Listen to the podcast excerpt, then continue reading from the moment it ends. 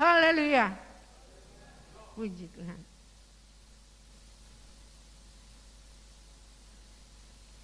Puji Tuhan. Selamat pagi semua ya. Salam sejahtera di dalam kasih Tuhan. Ya.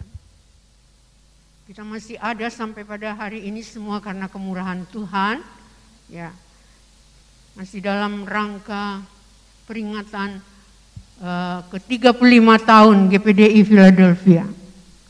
Ya luar biasa kuasa Tuhan ya mujizat Tuhan yang dinyatakan di pelayanan di jemaat GPDI Philadelphia Palangkaraya ini. Ya. Kita bersyukur kepada Tuhan.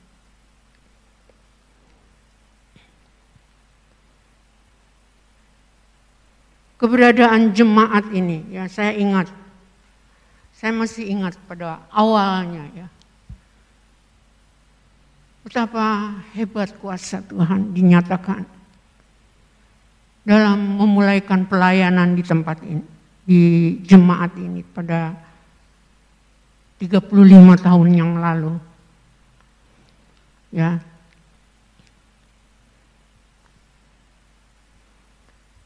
Hari lepas hari, bulan lepas bulan dan tahun lepas tahun sampai pada saat ini. Kalau mengingat semuanya itu tidak bisa terlukiskan ya. Betapa indahnya Yesus. Ya, dalam kami melayani Tuhan juga di jemaat ini ya jemaat GPDI Philadelphia Palangkaraya. Ya, dari hanya beberapa bangku saja di diadakan ya. Juga di dalam segala pergumulan. Tapi kami bersyukur ya Tuhan. Tuhan ada menyertai ya.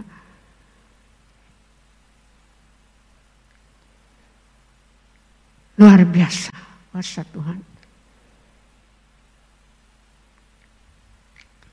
jemaat Tuhan yang dikasihi Tuhan yang ada di rumah ya kita bersyukur kalau pada tahun lalu ya dalam rangka ultah GPDI Philadelphia Palangkaraya ini diadakan uh, pentabisan gereja ini. Ya kita tidak menyangka bahwa ya. Bahwa tahun lalu itu kita masih bisa mengadakan acara pertemuan walaupun ya sudah secara ya secara terbatas juga ya sudah. Dan kita tidak tahu bahwa tahun ini ya lebih lebih lagi. Ya. Sampai diadakan PPKM Ya tadi sudah disampaikan kepada pemimpin pujian ya penyertaan Tuhan ya. Luar biasa ya. Walaupun dalam keadaan yang bagaimanapun kita harus bersyukur. Ya. Masih dapat ya walaupun dalam keterbatasan ya secara ya secara apa online tapi puji-pujian itu tetap dinaikkan. Firman Allah itu tetap diberitakan. Haleluya, puji Tuhan.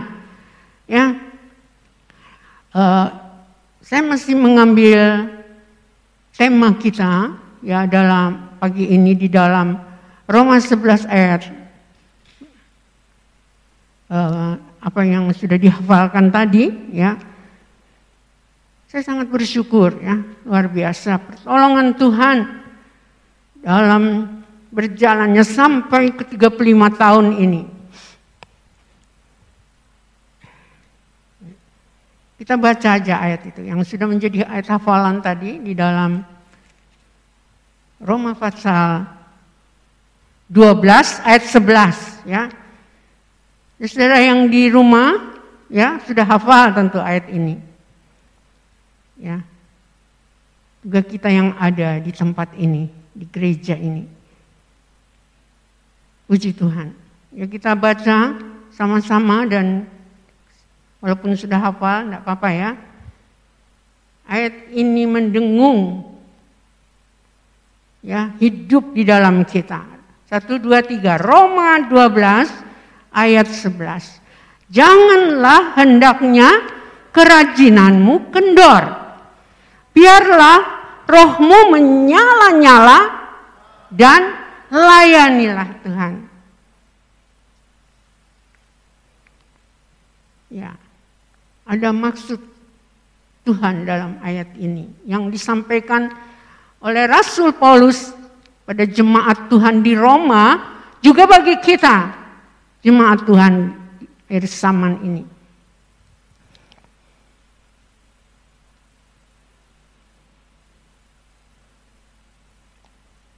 Ada banyak hal yang yang membuat kita ya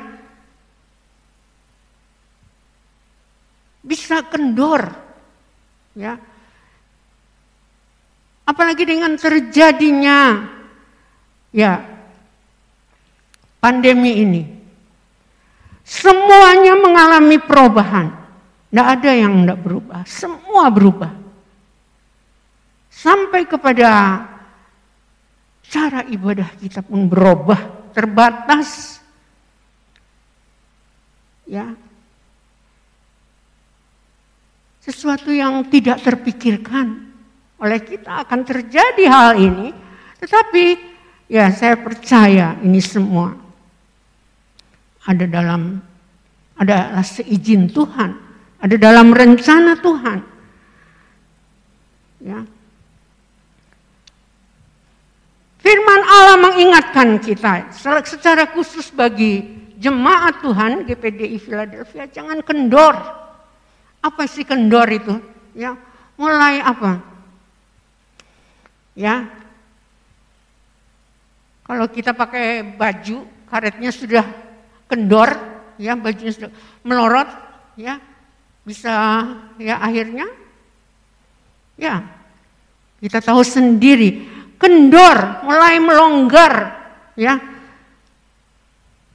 dalam melayani Tuhan. Karena begitu tekanan, kesulitan, kesukaran yang terjadi hari-hari ini, perubahan-perubahan yang terjadi. Tapi firman Allah disampaikan, jangan kendor. Ya, dalam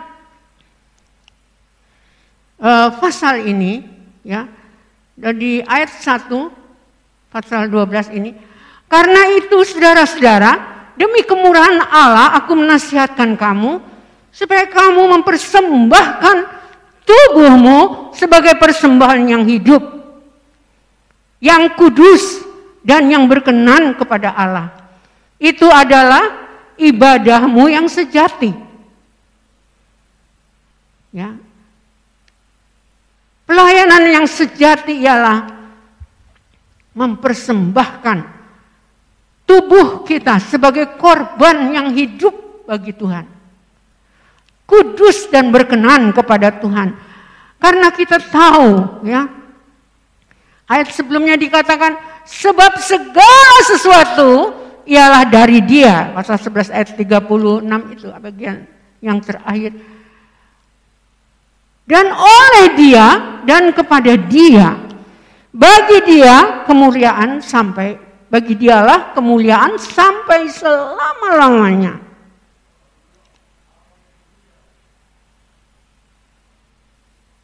Ya. Apa yang terjadi di hari-hari ini bukan saja di Indonesia, di seluruh dunia. Ya. Saya dengar berita dari Jamie, di sana juga lockdown, tidak boleh keluar lagi. Kalau kita masih mendingan, masih bisa keluar. Di sana tidak boleh keluar. Kalau keluar didenda. Ya, dendanya tidak sedikit. Daripada didenda ya mendingan di ya di dalam rumah ya. Banyak hal-hal yang, yang terjadi ya. Tetapi kita sebagai orang percaya kita mau selalu mempersembahkan kehidupan kita bagi Tuhan memuliakan Tuhan ya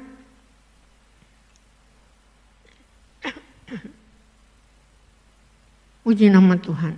Ya. Di dalam ayat-ayat selanjutnya itu kita lihat ya. Uh, hanya oleh karena kasih karunia Tuhan ya kita diselamatkan dan kita bisa melayani Tuhan.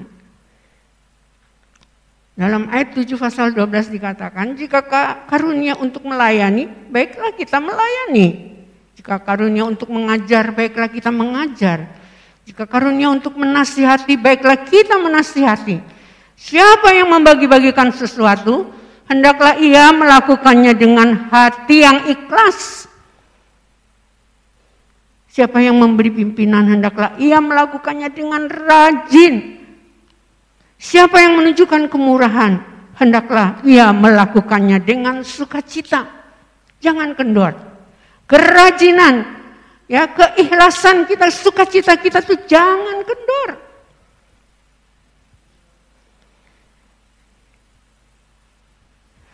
Biarlah rohmu menyala-nyala melayani itu dan layanilah Tuhan. Menyala terus, roh kita menyala di dalam Tuhan. Banyak hal yang bisa memadamkan semangat kita. Roh yang menyala-nyala, terus semangat di dalam Tuhan. Ya,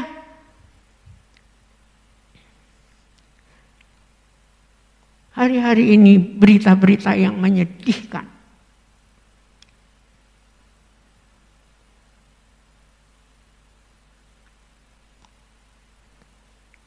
Ada satu saya lihat di televisi itu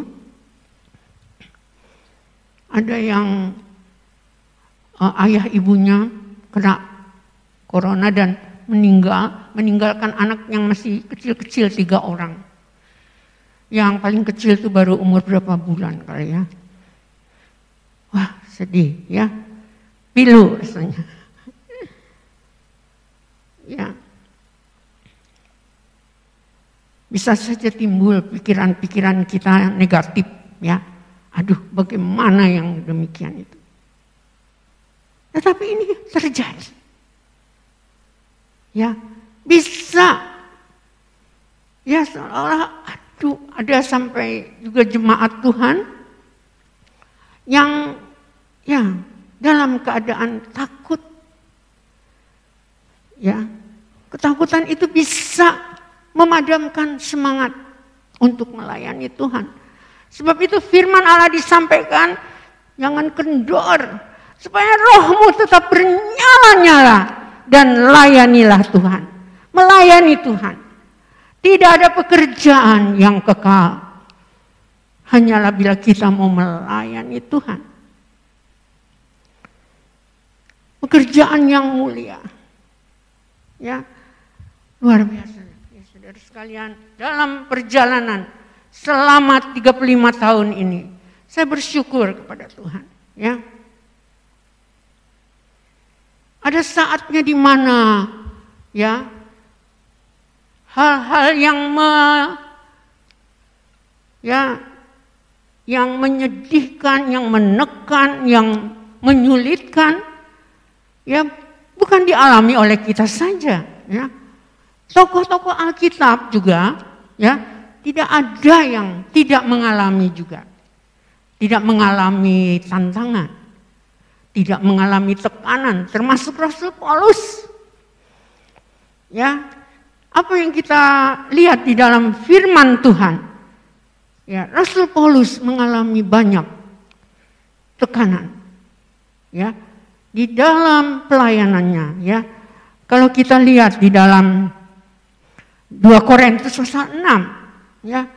2 Korintus pasal 6 dikatakan demikian ya. Rasul Paulus dalam pelayanannya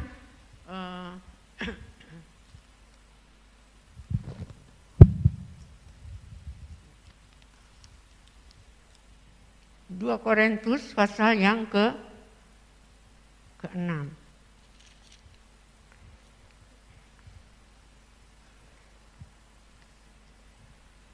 Kita baca sama-sama ayat 1 sampai 10. Haleluya.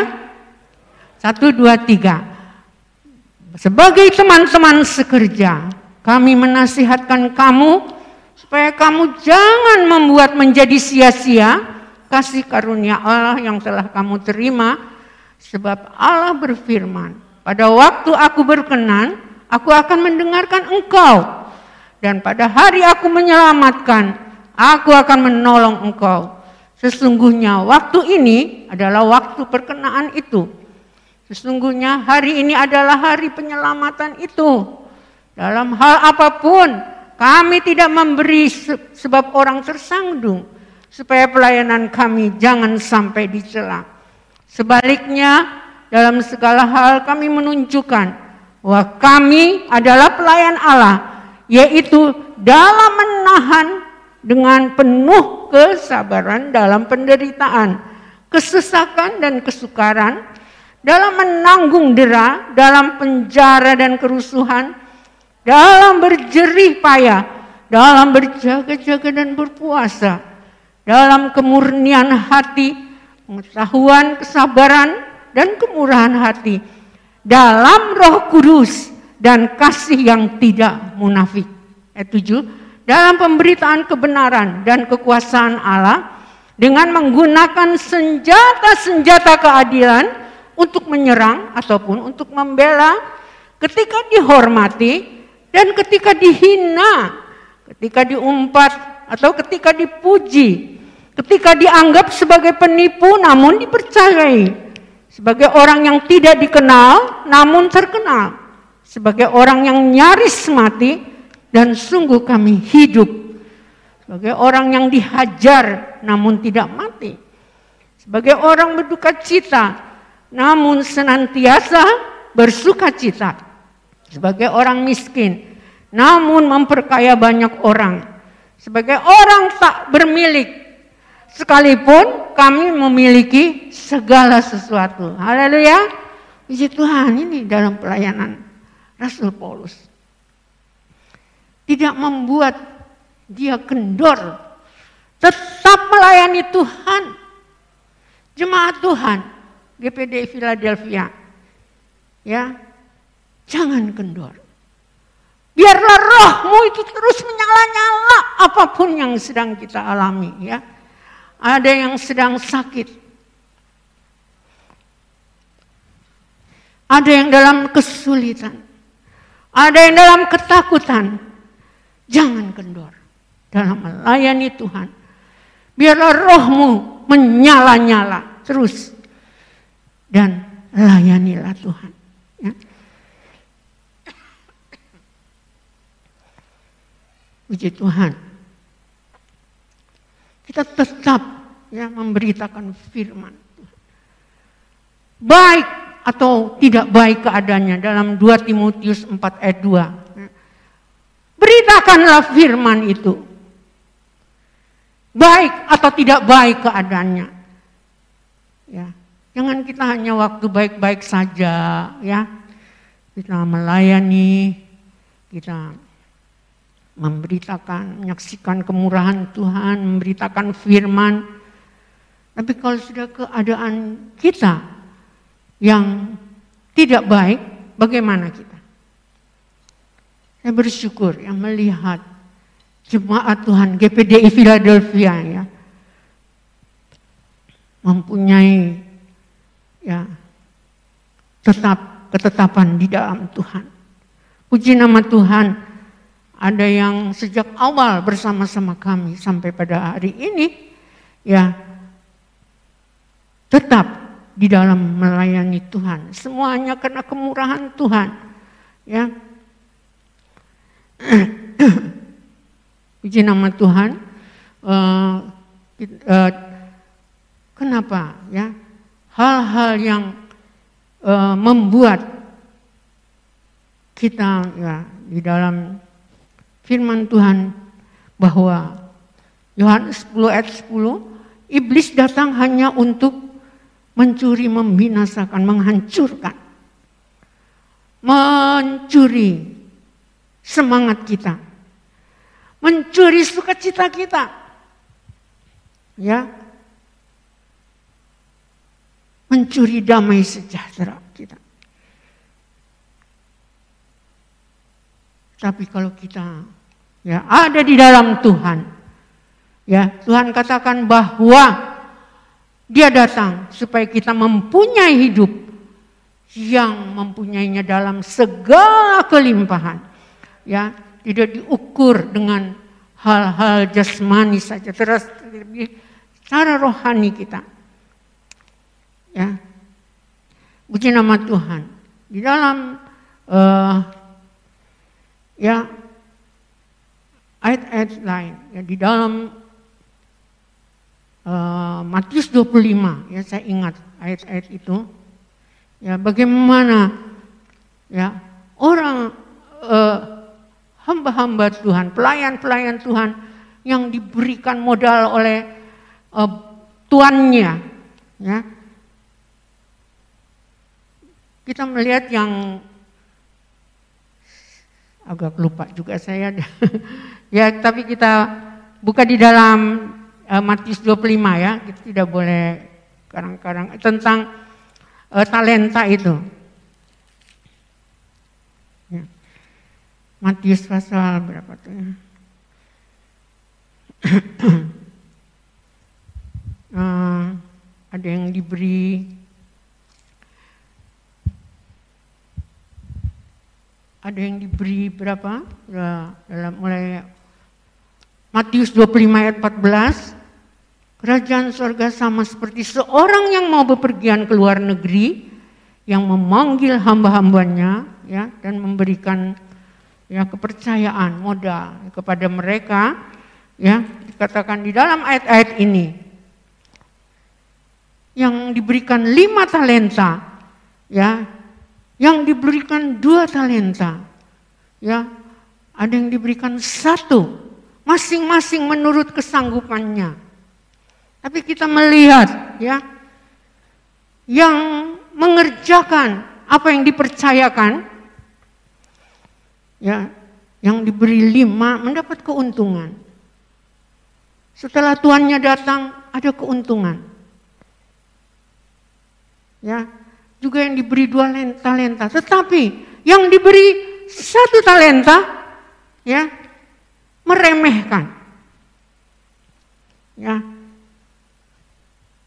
Dan kita melihat akibatnya, ya. ya sudah tidak mengerjakan ya hanya melihat-lihat kesalahan tuannya. Ya. Kalau kita baca di dalam ayat-ayat ini ya. Di dalam ayat yang ke ayat yang ke-24 saja ya. Kini datanglah juga hamba yang menerima satu talenta itu dan berkata, "Tuhan, aku tahu bahwa Tuhan adalah manusia yang kejam, yang menuai di tempat di mana Tuhan tidak menabur dan yang memungut dari tempat di mana Tuhan tidak menanam. Karena itu aku takut dan pergi menyembunyikan talenta Tuhan itu di dalam tanah. Terimalah kepunyaan Tuhan. Maka jawab tuannya, hai kamu hamba yang jahat dan malas. Ya. Jadi kamu sudah tahu bahwa aku menuai di tempat di mana aku tidak menabur dan memungut dari tempat di mana aku tidak menanam. Ya. Akhirnya dicampakkan, ya. Dalam ayat 30, campakkanlah hamba yang tidak berguna itu ke dalam kegelapan yang paling gelap. Di sanalah akan terdapat ratapan dan ketak, kertak gigi. Ya, malas. Ya. Dalam Yeremia dikatakan, Yeremia 48, ya kita buka ayat ini dan kita baca sama-sama.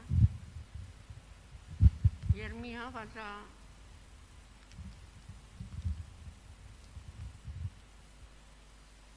Yeremia pasal 48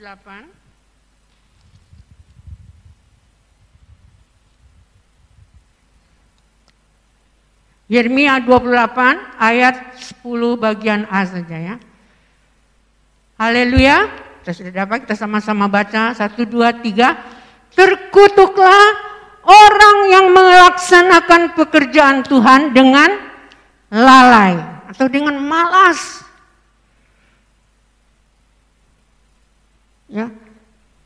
Ini akibatnya kemalasan dari yang diberi satu talenta itu menganggap remeh ah, dan mulai menuduh uh, apa menuduh, menuduh tuannya ya kita sebagai anak-anak Tuhan jemaat Tuhan GPDI Philadelphia dengan talenta yang Tuhan berikan oleh kasih karunia Tuhan kita tetap kerjakan itu. Ya menjelang kedatangan Tuhan ya. Yang sudah tidak lama lagi waktunya sangat singkat ya. Kita melihat di dalam keadaan-keadaan uh, yang terjadi hari-hari ini banyak sekali. Ya saya lihat di Facebook itu macam-macam. Enam enam enam lah apalah. Tetapi kita harus berpegang kepada firman Allah ya. Kita tetap melayani uh, Tuhan dengan ya dengan kekuatan yang daripada Tuhan sehingga kita tidak terpengaruh dengan segala ya apa kata manusia, apa kata orang. Saya melihat aduh ya, ada yang sudah menyimpang dari firman Allah. Kalau kita kendor dalam melayani Tuhan, kita akan kecewa sama seperti orang yang diberi hamba yang diberi satu tahun, eh, satu talenta. Puji nama Tuhan. Kita melihat di Alkitab, ya, ada satu keluarga. Ya, Tuhan mengingatkan saya kepada keluarga ini, ya, yang melay, tetap melayani Tuhan. Ya, kita akan baca sama-sama di dalam Yosua pasal 1. Kita baca sama-sama dari ayat 1 sampai 18. Haleluya. Satu, dua, tiga. Sesudah Musa hamba Tuhan itu mati, berfirmanlah Tuhan kepada Yosua bin Nun, abdi Musa itu demikian. Hambaku Musa telah mati, sebab itu bersiaplah sekarang, seberangilah sungai Yordan ini, engkau dan seluruh bangsa ini menuju ke negeri yang akan kuberikan kepada mereka, kepada orang Israel itu. Setiap tempat yang akan diinjak oleh telapak kakimu, kuberikan kepadamu.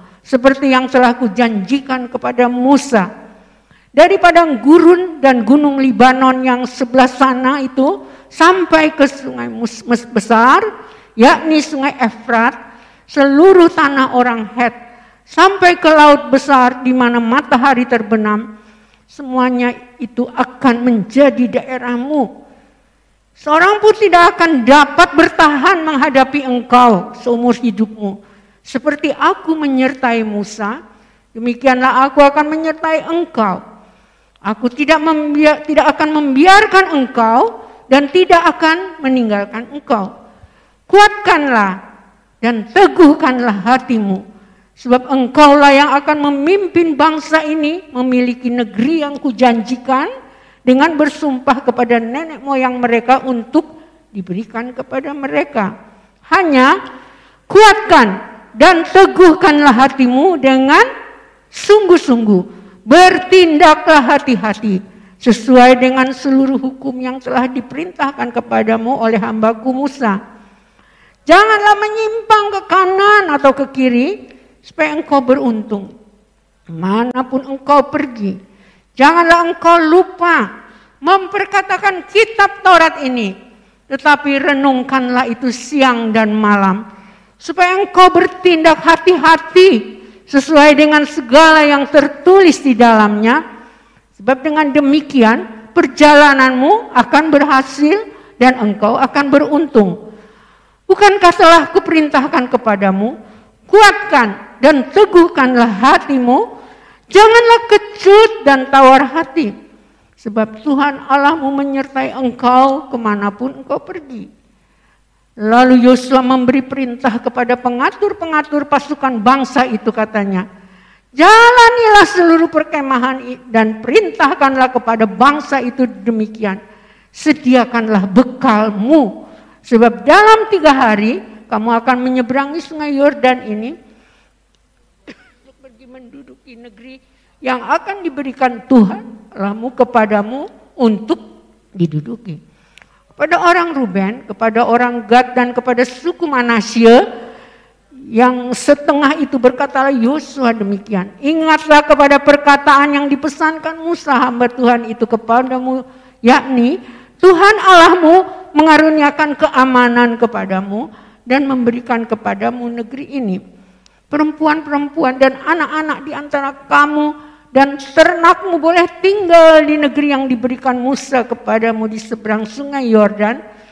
Tapi kamu, semua pahlawan yang gagah perkasa, haruslah menyeberangi di depan saudara-saudaramu dengan bersenjata dan haruslah menolong mereka sampai Tuhan mengaruniakan keamanan kepada saudara-saudaramu seperti kepada kamu juga dan mereka yang menduduki negeri yang akan diberikan kepada mereka oleh Tuhan Allahmu.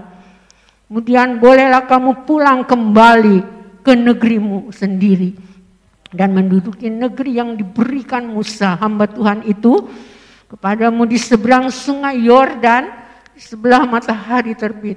Lalu mereka menjawab Yosua katanya, segala yang kau perintahkan kepada kami akan kami lakukan dan ke mana pun kami akan kau suruh kami akan pergi. Sama seperti kami mendengarkan perintah Musa, demikianlah kami akan mendengarkan perintahmu. Hanya Tuhan Allahmu kiranya menyertai engkau seperti ia menyertai Musa.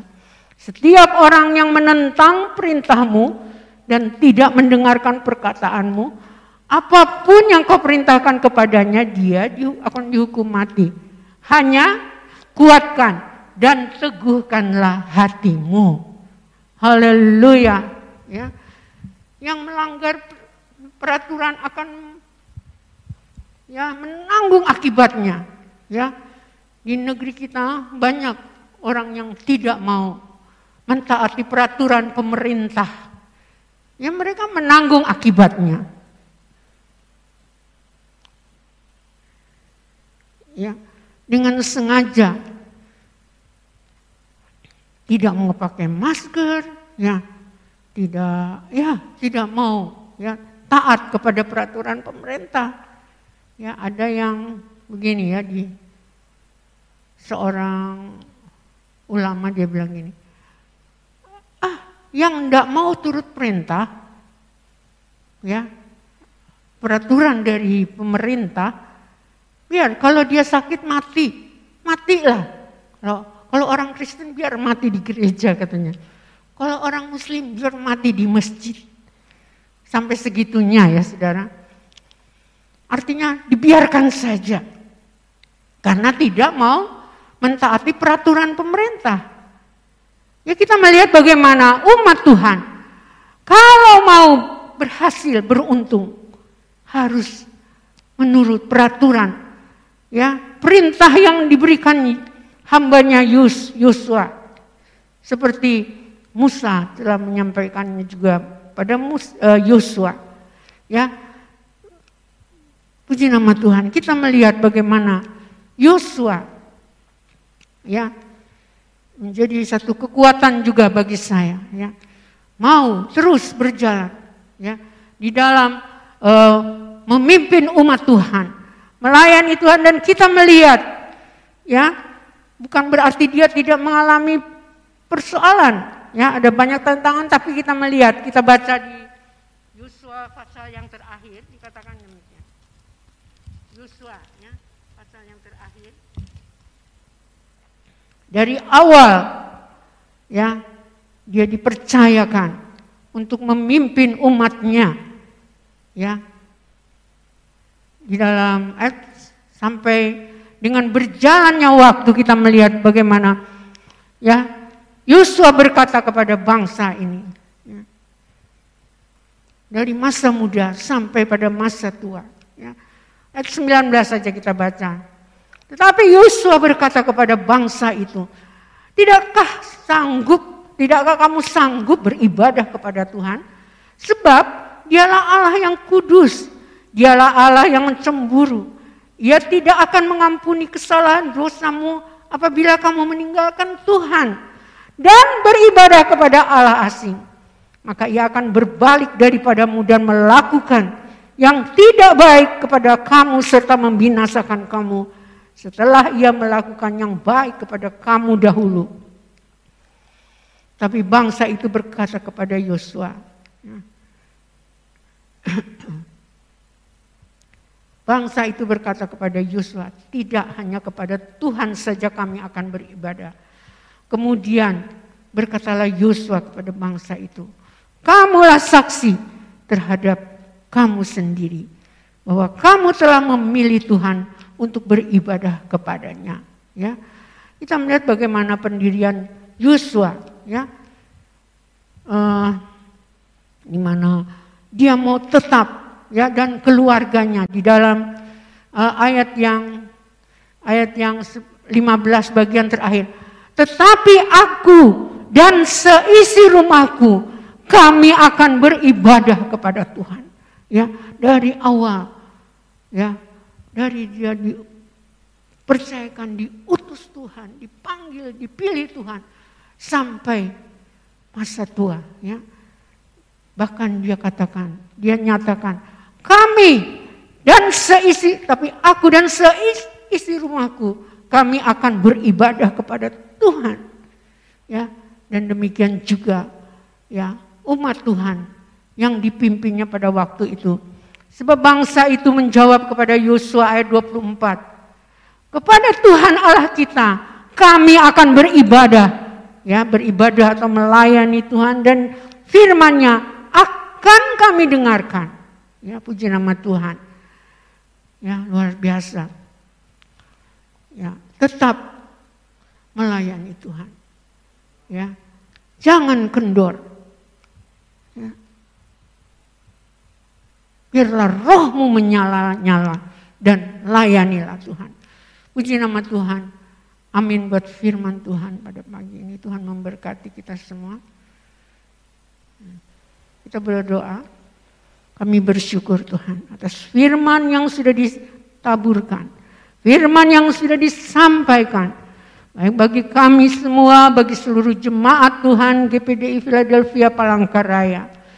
Ya Tuhan, dalam penyertaan Tuhan sampai pada hari ini.